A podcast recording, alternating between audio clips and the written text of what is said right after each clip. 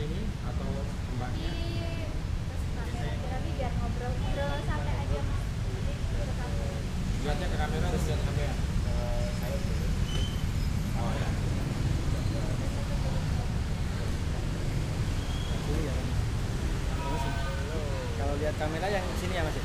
Kameranya ini. Ah. Oke. Kali ini siap kita Semua beken kecuali saya. biasa-biasa aja, nggak beken. Kali ini kita yang orang nggak mau ngaku beken tapi semua orang hampir se Indonesia yang Semua beken kecuali saya. betul dunia motor terutama. Saya biasa-biasa aja. Siapa yang nggak tahu? Mas Lulut Retro Cycle. Halo kawan-kawan. Halo Mas Lulut. Siap. Gimana nih? Kita mau nanya-nanya tentang Mas Lulut nih. Ya, Dulu kenapa bisa berkecimpung sampai di dunia custom tuh memutuskan oke aku bakal hidup di dunia custom di dunia motor bisa Oke. menghidupi saya ini gimana Mas oke. Ceritanya berarti harus di flashback nih mas. Di flashback. Jadi saya itu termasuk uh, orang yang keracunan, keracunan motor. Jadi keracunannya positif ya. Ceritanya berarti harus di Jadi flashback. waktu saya masih kecil, uh, TK, saya itu itu bapak itu kalau nganter uh, saya ke TK itu, itu pakai BSA itu. BSA 56 tahun Keracunannya 56, positif ya, 350 cc. Jadi, ingatan akan uh, romantisme naik motor motor tua itu itu melekat. Jadi SMP itu sebulan saya SMP 1 di Cik di Tiro itu. Saya ikut kuriku uh, ekstrakurikuler otomotif. itu. Nah, saya masih ingat sekali zaman saya itu ada bantuan dari Polresta. Itu motor yang udah nggak jalan sekian lama. Motor Honda CB yang konon tuh motor apa ya motor bekas uh, kriminal lah gitu. yang sudah ditahan sekian lama dan tidak pernah hidup itu dihibahkan. dihibahkan untuk bahan praktek. nah waktu itu tuh uh, motor tuh mau diambil mesinnya aja. Kriminal. Lah gitu sudah waktu itu saya iseng-iseng uh, sama teman saya namanya Ratman. uh, Ratno sorry. Sorry Ratno. Itu kedua benerin mesin itu. Oh, motor itu mau diambil mesin yang sudah dalamnya penuh air itu kita benerin. sampai bisa hidup. sampai bisa kita ride kita naikin. Puter-puter lapangan sekolah. Nah ingatan itu yang kemudian mesin itu. wah mesin kayaknya duniaku di sini deh. air memutuskan untuk ya duniaku di sini. SMA mulai mengekor diri uh, tentang uh, motor. Lapangan saya saya senangnya motor tua ya. motor tua. Uh, kita banyak nongkrongnya di bengkel daripada nongkrong di mall. Yang uh, seusia-usia saya- SMA saya gitu. akhirnya kita bisa maintenance sendiri. Bisa nyetel platina servis karburator terus ngetopin pengapian bongkar dikit-dikit uh, silinder head transmisi. bisa nah kesenangan yang berlanjut ini akhirnya jadi apa ya? Hobi kecil-kecilan. Itu motor dulu yang jadi korban. Itu saya main BMW dari R25, R26, R27, Norton, BSAM 21, terus Kawasaki Maguro, BSA Twin. Akhirnya kita ambil, kita benerin, ada yang minat kita jual. Nah, apa ya? Jadi ke sebuah kesenangan yang berkelanjutan. Akhirnya uh, sampai kuliah, nah, selesai kuliah, buka satu bengkel di belakang kita ini, Retro Classic Cycle. jadi ini dari lulus Kuliah. buka Iya, bengkel ini saya termasuk yang nggak pakai ijazah kuliah karena saya percaya saya bisa hidup tanpa tanpa ijazah kuliah. Saya buka uh, bengkel karena saya percaya dengan wira swasta saya jadi bisa bisa bekerja tapi saya merdeka. Merdeka dalam artian apa ya kita bisa ngatur sendiri jam kerja kita jam kerja kita nggak ada yang nyuruh nyuruh oh iya. jadi buat teman-teman jangan takut untuk berwira swasta dan ya biar ini mas kan bengkel pasti nggak pasti setiap hari rame Iya. gitu, gitu. biar bisa bertahan sampai berarti udah berapa belas tahun sampai sekarang Oke. gitu Jadi teman-teman yang hobi otomotif, um, saya pikir otomotif itu dunia yang nggak pernah padam ya. Karena semua orang kalau kita lihat di jalan itu semua pakai pakai motor, pakai mobil yang notabene itu keluarga. sekup otomotif. Otomotif. Jadi yang senang otomotif Ah, silahkan digali saya di pikir explore. otomotif itu dunia yang nggak pernah dan kalau orang kalau memang kita lihat di jalan itu yakin pilihannya di dunia motor, otomotif mobil, seriusin. Saya buka bengkel. dan eh, yang paling utama setelah buka bengkel bukan hanya skill tapi Dan ilmu manajemen gimana ngatur keuangan biar kayak tadi diceritain kalau bengkel apalagi bengkel custom kan setiap hari dapat order. nah kalaupun dapat order juga eh, terminnya panjang baru baru pembayaran. kita bisa bisa pinter-pinter eh, memanage uangnya itu kunci kunci utama salah satunya kalau mendapat order juga yang kedua tentunya skill ya. Kita harus mengasah skill. Kalau bengkel custom kita harus tahu tren-tren apa yang sekarang lagi booming dan tren apa yang akan booming. Itu kita juga harus harus Yang kedua juga kuasai. Ya. Kalau custom itu tren-tren apa yang kita nggak bicara sekarang teknik, kita nggak cuma bicara tentang gimana memperbaiki atau benerin. Tapi custom itu mix uh, mix between uh, art dan teknologi. itu, Jadi kawinan antara dunia teknik sama kita dunia seni. memperbaiki. Nah, kita harus punya in- intuisi yang Tapi yang tajam. Kita harus punya sense yang kuat. art dan Nggak bisa hanya kemudian lihat, oh ini bagus, ada di majalah, kita bikin itu namanya ngopi. kita harus Kopi.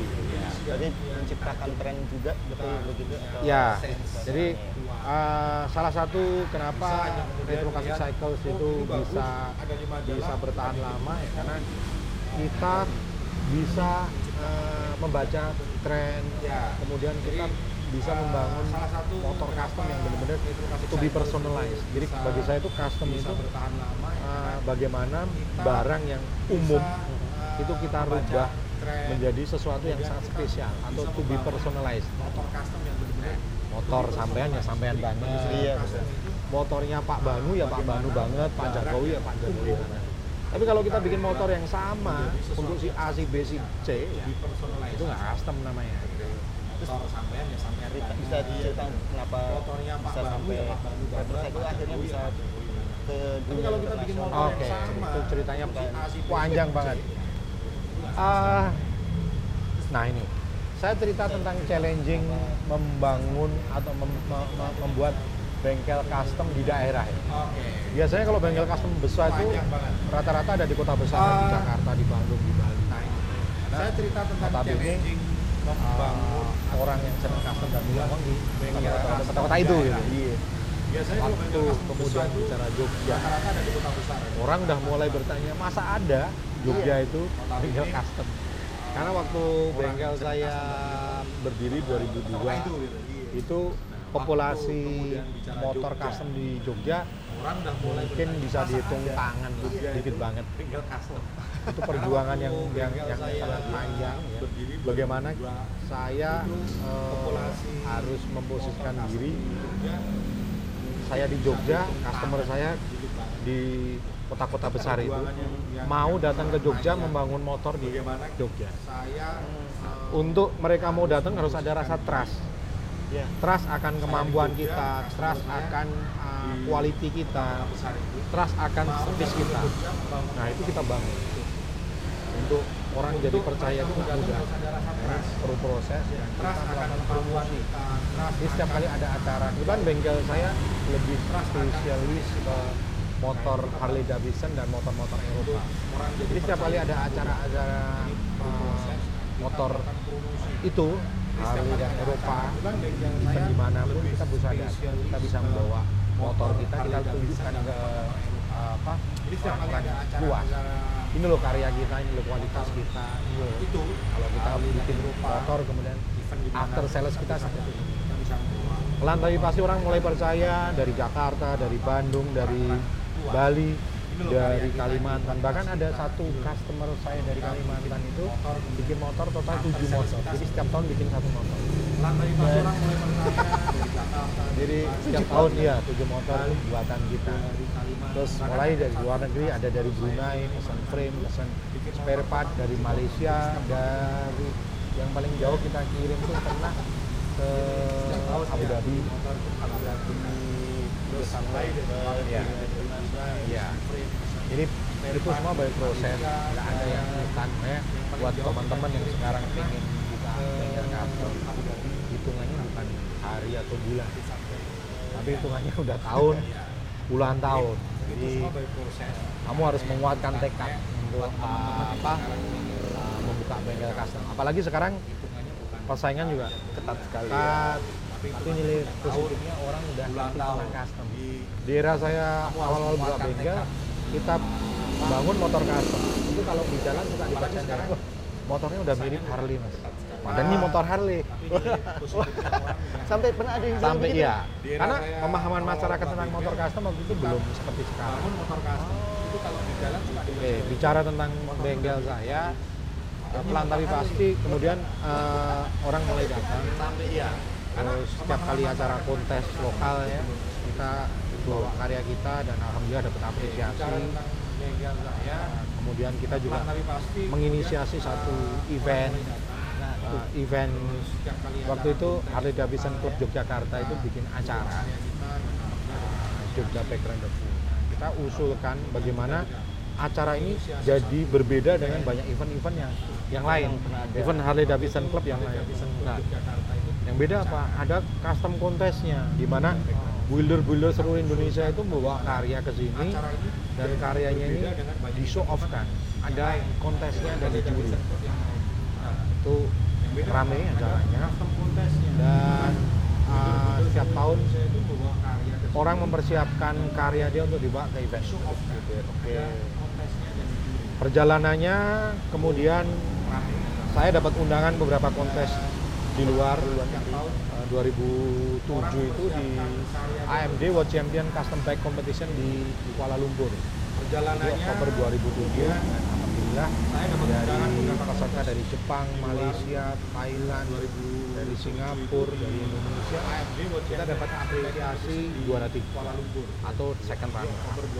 itu motor yang namanya siapa motor Mas Lut semua punya nama Ya, motor kita bisa kasih nama. Motor waktu itu namanya Axquick. Waktu itu punyanya Mas Andi, nah, anak Jogja juga, nah, pengusaha dari Jogja. Terus uh, di tahun berikutnya kita diundang ke acara Full Breaker. Itu 2010 di Jepang. Saya bawa motor namanya waktu itu Kiai Perkoso yang ngasih nama Ngarto Dalam si Sultan. itu yang yang batik ya? bukan Oh, basic basicnya Harley Davidson Sportster uh, motifnya batik uh, mesinnya diukir itu itu tahu saya sih pertama kali uh, kita coba dari saya ya terutama uh, saya pertama kali membuat kolaborasi dengan uh, apa ya batik itu kan peninggalan nenek moyang kita ya. Kita angkat batik itu ke dunia custom. Dan ternyata applause-nya di panggung internasional luar biasa. Orang bertanya-tanya wah ini motif penting apa kok bagus banget mereka bilang wow dua dua talented. Amazing padahal saya hanya bawa batik ke motor custom terus ukir-ukirannya juga ukir-ukiran yang eh, kalau kita kalau di kita kan biasa orang Biasa, ukir. iya. nah waktu ngukir yang diukir mesin Harley kan jadi nggak biasa. Iya. Nah itu juga orang akhirnya uh, di Jepang tuh bilang wow amazing.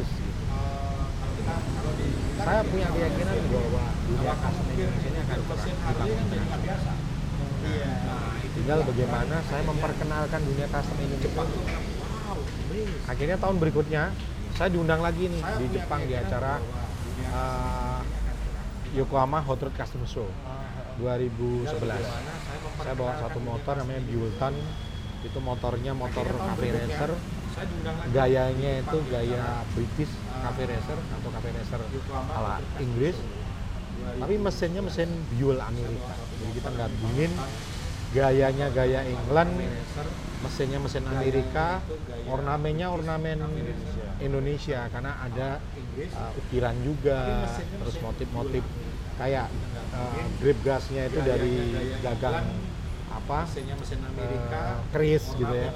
Itu kita pakai buat Indonesia itu 2011. Nah, di situlah titik balik grip gasnya itu uh, dari kita dalam uh, apa ya bawa motor di luar negeri. itu kita pakai Orang akhirnya banyak bertanya, terutama media. Eh Lulut, LT. Orang orang luar biasa panggil saya LT karena Lulut susah diucapkan. LT, L sama T. dalam uh, bawa motor di luar apakah ada event kayak seperti ini di negara kamu? Saya bilang ada. Oke kalau ada kita minta diundang, kita mau datang mau lihat seperti apa sih karya-karya budaya di Indonesia. Karena setiap kali uh, ketemu cuma kamu doang. Balik dari Jepang, Oke kalau ada kita saya, adik saya Yayat sama satu lagi Aan. itu uh, saya langsung bilang sama mereka berdua, oke dari ini kita udah nggak bisa lagi ngeles bilang kita punya event ternyata kita nggak ada event. Kalaupun ada cuma numpang event lain. Kita harus develop satu event sendiri. Saya langsung bilang sama mereka itu Aan bilang oke mas sebelum Kita bikin event ada baiknya kita bilang kita punya survei event ternyata kita bikin survei. kita kumpulkan data kita harus develop satu event sendiri. hasil surveinya kaget. Bengkel customnya itu nggak banyak masih bisa dihitung pakai tangan. Se-Indonesia itu. Indonesia jadi kebayang nanti pesertanya siapa kita Tapi saya pikir the show must be go on, no or never gitu ya. Sekarang atau enggak, ya udah. 2012 bulan Oktober masih kita bisa bikin dihitung pakai Custom Fest pertama kali. Indonesia Indonesia Custom Fest 2012. This is our garage. tapi saya pikir garasi kita. must be go on Kenapa garasi? Karena kalau orang seneng custom, itu nongkrongnya di garage, di bengkel kan. Kalau orang yang seneng beli mobil motor baru itu nongkrongnya di showroom. Di showroom, iya. Nah. Betul. Saya saya bilang this is our garage. Ini garasi kita, ini rumah kita bersama. itu nongkrongnya di Jadi kita undang komunitas motor custom, Oh, orang yang mobil, beli mobil klasik, mobil hot rod, terus uh, BMX, skateboard, terus ini garasi kita sepeda lowrider, terus komunitas body art, mobil ada musiknya komplit. Nah, kita pengen dunia custom Indonesia ini tidak berkiblat hanya keluar. Kenapa hanya keluar? Karena kita lihat di beberapa negara itu kiblatnya keluar Minded, Kita Jepang pengen- Minded. Tapi kita pengen yang jadi kiblat tuh diri kita sendiri karena kita punya kultur yang kuat. Iya. Kiblat kita apa? Budaya kita. Makanya saya libatkan beberapa komunitas biar saling apa? Saling isi jadi melting pot di situ. Nah, event pertama sukses, rame. Yang nggak rame hanya sponsornya dan ber- berakhir dengan kerugian yang cukup signifikan. Jadi ini saya cerita eh, suka dukanya di Custom Fest. Jadi jangan ber, ber- eh, jangan hanya melihat Custom Fest sekarang ya. Custom Fest dulu saya cerita nih. Oke, kita evaluasi. Waktu berlalu satu tahun kemudian, tim ini gathering lagi ngumpul, mau bikin lagi nih. Kita coba bikin proposal sebaik mungkin, kita kasih ke sponsor, nihil lagi. Tahun kedua. Tahun kedua juga nihil lagi. Akhirnya eh, acara tetap berlangsung dan kerugiannya tambah banyak lagi. gitu ya. Wah, oh, baru Ini bener-bener passionate. Baru di Ah. sini kayaknya. Iya, tahun kedua kita semakin terpuruk, semakin tenggelam dalam kalkulasi yang minus gitu. ya. Gekap gempitanya dapat, aplausnya dapat gemuruh. Tapi waktu kita lihat pembukuan sedih gitu. Terus Nah. yang tapi masih tetap lanjut dong misalnya Ya, di sekarang. tahun ketiga kita coba lagi. Waktu itu Aan ngasih tahu saya, Mas, kalau tahun ini ternyata dari sisi perhitungan kita masih minus, udahlah Mas ini tahun terakhir karena minus kita cukup signifikan nilainya. Nah, kita coba tahun ketiga, alhamdulillah ada satu sponsor yang serius masuk. Yang ini bikin kita kayak dapat suntikan darah. Wah, dapat angin ini ya. Lagi ada produk-produk sigaret yang sudah mulai tertarik untuk tune in di dunia custom. Ini tambah kita semangat lagi. Nah, tahun ketiga mulai kita eh, apa ya? Operasionalnya tertutup. Ah. Tahun keempat kita mulai mengembalikan apa yang jadi minus kita. Baru tahun kelima itu semua tercover. Sampai sekarang. Ya, jadi ceritanya nggak se semanis ini ya, Yang orang lihat ya. buah delima ya. Iya. Jadi Kelihatan. ada ceritanya. Oke, Cerita- itu cerita tentang custom fest. Gitu. Tapi eh, bicara custom fest kita nggak bicara tentang untung rugi. Ini ini hanya flashback. Saya cerita tadi hanya flashback. Tapi kita bicara tentang sebuah passion, passion eh, anak bangsa yang ingin memperlihatkan eh, apa ya sisi lain dari negaranya. Karena kalau saya keluar tuh begitu bi- bicara dari Indonesia, selalu yang diomongkan waktu itu tuh negara ketiga, negara miskin, penuh korupsi, negara di Katulistiwa yang sibuk dengan eh, apa illegal logging, membabat alas. Ini cerita yang sedih bagi saya. Saya pengen nunjukin negara saya dari sisi lain, bahwa negara saya itu penuh anak muda yang gila akan karya, yang punya eh, membuat sesuatu dengan tangan dia, pemuda-pemuda yang kreatif. Nah, ini yang pengen saya eh, angkat. Makanya dengan custom fest itu kita bicara sebuah passion gimana anak-anak muda Indonesia berkarya, bagaimana anak-anak muda Indonesia itu setiap tahun uh, berkumpul untuk saling mengapresiasi karya, bagaimana anak-anak muda Indonesia itu setiap tahun mengarsip karya-karya dia. Dan kita tunjukkan ke uh, dunia custom internasional bahwa kami uh, punya sesuatu yang berbeda. Wah. Karena karya-karya kita itu diakuin sangat otentik dan original. dari anak-anak Indonesia yang Iya, dunia dari para ya. penikmat Builder- custom, builder, pemerhati ya. custom itu eh, di Indonesia itu karyanya benar-benar otentik. Kenapa? Terinspirasi iya, tapi waktu mereka ke sini kemudian lihat orang ngebangun motor custom dengan land speed record pemecahan rekor dunia, dia bertanya apakah ada tempat untuk untuk itu di sini? Ah. Jawabnya nggak ada. Bikin motor yang eh, ada paku-pakunya. Apakah di sini tuh ada eh, apa ya tempat es ya Iya. yang dia bisa pakai motor dengan nggak ada. Karena passion dia bikin ini ya dia bikin. Dibikin aja begitu Iya. ya. Makanya banyak yang bilang "Ih, crazy. It's crazy man. Custom Indonesia so crazy. Iya. Terus setelah menggeluti dunia custom motor sekian lama kayak gitu itu ada ada rasa jenuh nggak sih mas atau bosen gitu nggak sih? Oke, sebelum ke jenuh, saya bicara tentang satu sisi lagi potensi dunia custom Indonesia. Tentunya teman-teman tahu kan eh, apa Bapak Presiden kita, Bapak Jokowi eh, kemarin tuh membeli motor chopper dari Elder Helmet. Kalian tahu nggak bahwa motor yang dibeli Pak Jokowi bikinan Elder Helmet itu pernah kita bawa ke Jepang. Jadi program Indonesian Attack itu program yang dibikin Custom Fest disupport oleh Backcraft itu membawa karya-karya terbaik Indonesia untuk ditampilkan di satu buah acara bergengsi Yokohama Hot Rod Custom Show. Nah ini dua tahun yang lalu berarti dua tahun yang lalu kita bawa ke sana pulang dari Jepang itu dibeli sama Pak Jokowi.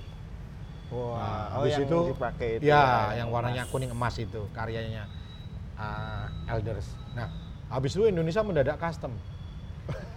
Bagi saya senang. itu sesuatu yang nggak pernah saya bayangkan. Indonesia mendadak custom. Nah, harapan saya ini tidak seumur jagung, tidak seperti tren batu ake atau gelombang cinta Wah, iya. yang justru sudah hilang gitu ya. Tiga bulan Nah, hilang. Bagaimana kita uh, mengkeep ini api ini selalu nyala. Nah, ini tugas kami di Custom Fest untuk selalu menjaga api uh, dan spirit custom ini selalu nyala dan berkobar.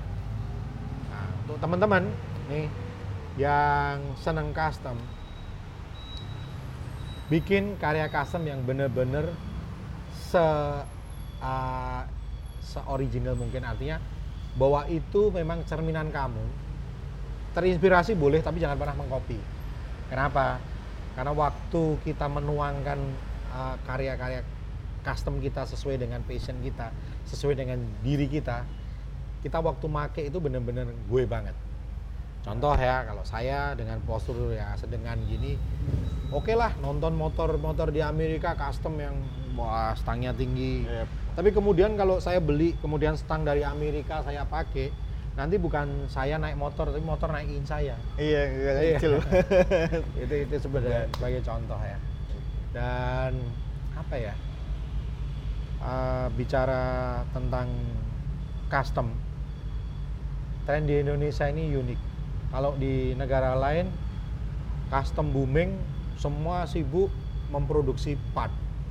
Nah, di Indonesia itu custom booming, tapi yang sekarang dapat apresiasi tertinggi adalah part-part yang handmade, bikinan tangan. Ah, Jadi yang Oh. limited, yang handmade itu sekarang lagi dicari orang lagi banyak. dicari. Ya. Oh, gitu. Nah, buat kamu yang sekarang pengen custom, nggak harus melulu uh, apa browsing cari part ini, part itu, part ini. Coba desain sendiri, kemudian dibikin uh, dengan karya sendiri mungkin motor kamu akan lebih unik atau mobil hot rod kamu akan lebih unik. Wah, jangan lupa buat bikin sendiri semuanya. Karena Iya. Pak Luhut pun semuanya bikin sendiri, tidak mengandalkan dari luar negeri atau dari pabrikan. Aku cut dulu kayaknya gelap banget, tak biar nyala ini biar agak Iya. terang ya. Yap.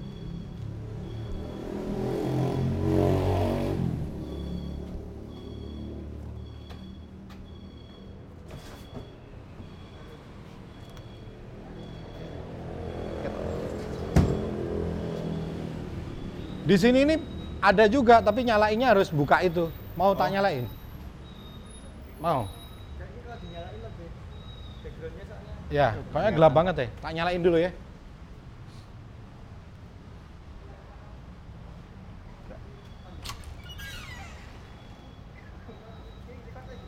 Record, tapi nek ngene iki yo noise. kalau iki main mono iki mulai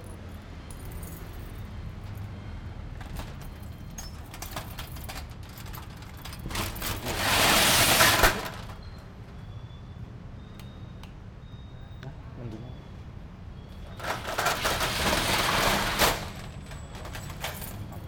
Wah.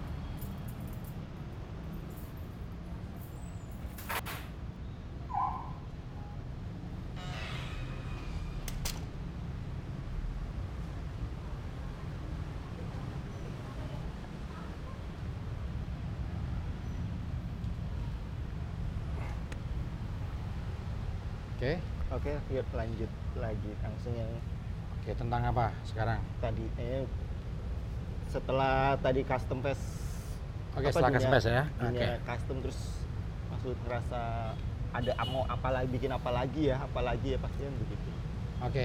Ah, mimpi-mimpinya yang belum jadi setelah custom fest berjalan, kemudian ngebangun motor itu udah jadi karena kerjaan sehari-hari ya. Heeh, heeh. Sometimes kita ada kejenuhan. nah, Nah, untuk nutup kejenuhan itu saya harus cari sesuatu yang keluar dari rutinitas saya. Mm-mm. Akhirnya mulai main mobil, Nah, mobil Hmm. yang di sebelah ini, bangun. Kebetulan saya sukanya mobil Amerika, bangun mobil Amerika. Nah, sampai pada satu titik juga jenuh. Nah, saya mulai berpikir mimpi apa mimpi masa kecil saya yang belum tersapai kesampaian. Oh. Kemudian ingat terbang. Karena waktu kecil kalau ada pesawat terbang itu selalu ngejar sama teriak, teriak motor mabur, jaluk duite. Walaupun Iya. nggak pernah dikasih uang ya. Iya. Tapi anak kecil seusia saya dulu, zaman saya itu selalu begitu. Ngejar pesawat terbang sambil teriak-teriak minta uang. Nah, saya pikir ah, ini momen, ini momen saya wujudin mimpi kecil saya. Mulailah saya mengeksplor, menggali tentang dunia pesawat. Hmm. Dan saya putuskan untuk bergabung dengan salah satu klub terbang di Jogja, Jogja Flying Club. oh Jogja Flying Saya bergabung, kemudian saya mengutarakan maksud saya untuk eh, bisa terbang dan mereka memfasilitasi dengan training terbang. Hmm. Sampai akhirnya saya bisa terbang solo, terbang sendiri. Nah, sudah bisa terbang, mulai ngeksplor. Terbang ke mana, terbang ke mana, terbang ke mana. Nah, Sampai satu titik, kira-kira kalau ngerakit pesawat sendiri dan diterbangkan keren kayaknya.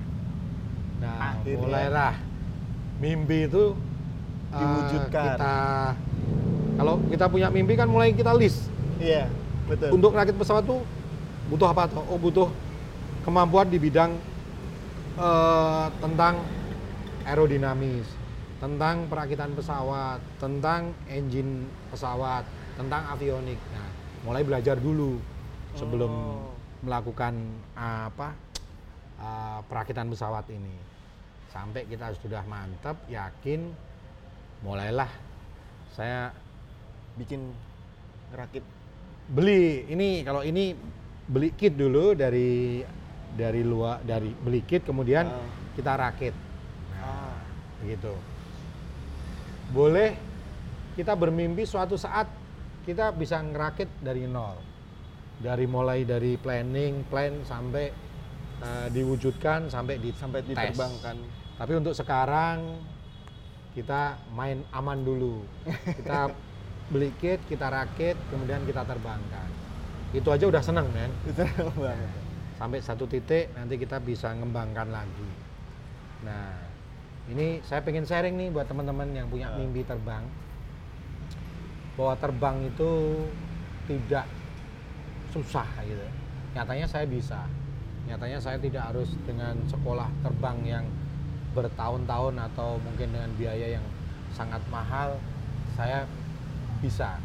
Nah, kalau saya bisa, kalian pasti juga harus bisa gitu tinggal seberapa kuat eh, sampean untuk mewujudkan mimpi sampean nah itu kuncinya di situ terus eh, kalau dibilang terbang itu berbahaya sampai sekarang saya bisa diinterview masih ya Iya. kalau terbangnya Iya. berbahaya saya sudah nggak bisa diinterview gitu. Iya. Jadi jangan terlalu uh, apa uh, mengambil sebuah kesimpulan. Kalau kamu pengen terbang, saya, saya dulu pelajari, kalian gali, simple aja. Semua yang dilakukan dan dipersiapkan dengan baik itu bisa meminimalkan resiko.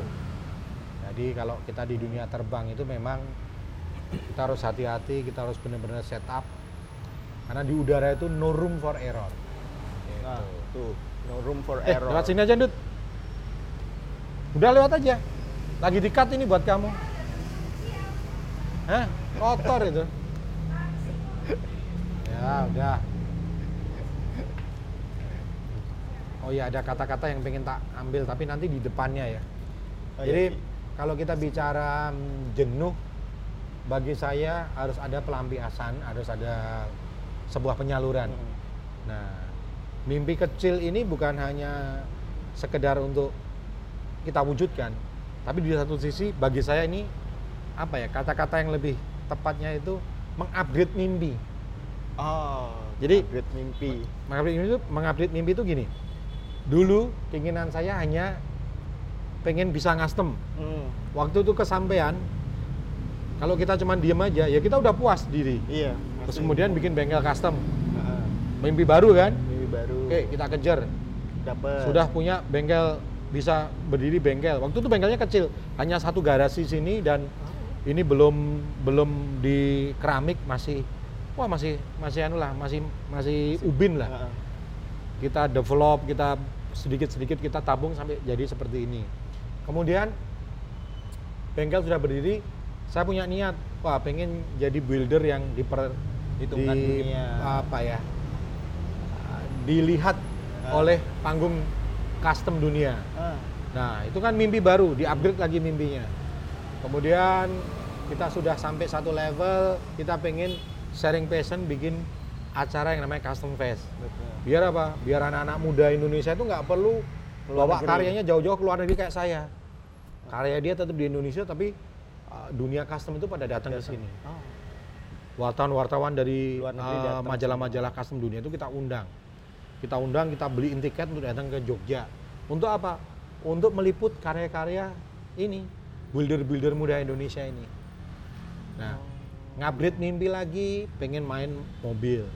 Kesampaian, nah, upgrade terakhir ya main main pesawat. Jadi buat kalian jangan cepat berpuas.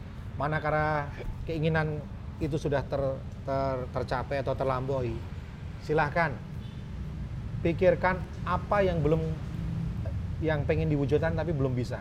Nah, kalau sudah sudah sudah eh, tahu apa itu, upgrade mimpi kalian. Karena dengan mengupgrade mimpi kalian tuh akan ada pumping spirit, spirit baru untuk belajar lagi, untuk bertanya lagi, untuk akhirnya kita tidak jumawa di atas. Kita akhirnya down to earth lagi untuk mau Hmm. gimana sih wujudin mimpi baru ini. Nah, itu.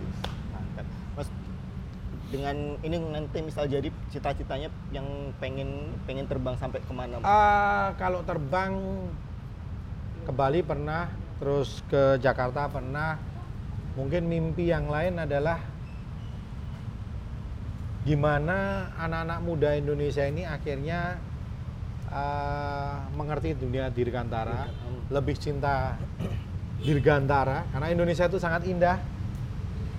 Dan yang mimpi saya sih ngajak anak muda Indonesia ini untuk yuk kita bareng-bareng yuk belajar terbang. Dengan belajar terbang itu kita bareng-bareng bisa ngeksplor Indonesia. Indonesia. Oh iya mas.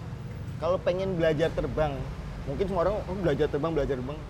Caranya bagaimana? Orang step pertamanya apa enggak Hmm, belajar? oke. Kalau belajar terbang- atau pengen Kalau belajar terbang, pertama adalah hubungin flying club terdekat. Ya, di beberapa bandara itu punya flying club. Flying club tuh biasanya di bawah naungan bukan biasanya, pasti ya. Flying club itu tolong nanti diedit ya. Iya. Flying club itu di bawah FASI, Federasi Airsport Indonesia dan itu di bawah jurisdiksi wewenang uh, pembinaan TNI AU, Binport Dirga, Bina Potensi Dirgantara. Silahkan kalian kontak, kemudian uh, banyak bertanya di sana dan kalau kalian nyaman silahkan bergabung. Karena apa? Dengan bergabung dengan Flying Club ini akan jauh lebih uh, memotong cost daripada kalau kalian taruh kata pengen terbang kemudian ikut atau masuk ke flying school. Oh, Gitu. jauh banget enggak? Ya, Jauh sekali ya. kecuali kalian pengen terbang untuk masuk ke terbang komersil. Oh, itu beda lagi. Beda, kalau komersil memang harus sekolah Oh. karena harus ada rating CPL-nya. Tapi kalau terbang yang seperti saya lakukan ini adalah terbang sport and rekreasional. Jadi Oh. terbang yang memang untuk keperluan sport itu uh, terbang kalau di dunia terbang ada spotnya juga. Sport terbang. Nah, terus rekreasional terbang untuk uh, apa ya? Hobi itu bukan Ya, termasuk hobi. termasuk rekreasional ini. Oh. Itu. Kalau terbang pengen jadi uh, terbang militer ya daftarnya ke TNI AU. Jangan ke Flying Club. Itu salah jalan namanya. Tapi dari yang sini apa maksudnya yang buat sport ini bisa ke komersil nggak sih? Uh, kalau mau ke komersil itu harus tap rating karena license-nya beda. License-nya beda. Jadi ini tidak bisa untuk kemudian jadi pilot komersil. Megang kayak di airport megang Boeing nggak bisa. Berarti harus ada sekolah lagi. Ada sekolah lagi. Nah, kalau mau itu ya harus sekolah. Tapi kalau hanya sebatas pengen kita pengen terbang dan terbangnya itu memang terbang untuk kita sendiri, itu uh, license-nya SPL-nya sudah cukup, Sport Pilot License. kita Sport bisa terbang, kita bisa enjoy, lihat scenery dari atas. Iya. Pasti semua pada pengen. Saya juga pengen, cuman saya takut ketinggian. Jadi saya nggak mau terbang. Untuk yang takut ketinggian, gampang. Sebelum take off, silakan banyak minum obat tidur dan tutup mata. Nanti kalau udah landing, dibuka dan bangun. Pasti nggak takut. Nanti ceritanya diceritain pilotnya. Kalau pengen tahu yang dari Jogja dari atas atau apa bisa ngeliat vlognya Mas Lulut. Mas Lulut juga punya vlog. Itu vlognya di apa namanya Mas? Lulut retro Lulut Retro. Itu kalian pasti dijamin kepengen bisa semua. juga di Instagram saya di Lulut retro juga. di Instagramnya juga. Ya. Itu kalau ngeliat Instagramnya, ngeliat YouTube-nya, wah isinya cuman ya Allah, ya Allah, ya Allah. Isinya cuman begitu. Nah, kenapa saya banyak bikin konten terbang di YouTube saya karena saya pengen sharing. Jadi kalau saya terbang kan maksimal saya hanya- bisa ajak satu orang. Tapi kalau saya bikin uh, vlog YouTube, saya bisa membawa banyak orang untuk terbang bareng sama saya. Kita sharing dan harapan saya suatu saat saya terbang dengan anda-anda dengan teman-teman semua wing to wing sebelahnya. Kita tunggu gebrakannya Mas Lulut yang baru yang bakal ngajak terbang kita kita apa namanya sharing terbang Mas ya. Ya, sharing passion. sharing passion. Goks pasti goks banget. Oke, Mas Lulut. Kayaknya udah malam banget kayaknya Boleh udah closing ya? boleh saya closing tapi nanti bakal ada custom face lagi tuh. Oh, iya. itu Mas? Oke, buat teman-teman yang seneng custom atau pengen tahu custom atau yang sekarang mungkin baru denger selentingan tentang custom itu apa, nanti datang 5-6 Oktober 2019 di Jogja Expo Center di Yogyakarta. Kita ada acara Custom Fest 2090 tahun ini tagline-nya Back to the Root, kembali ke root kita.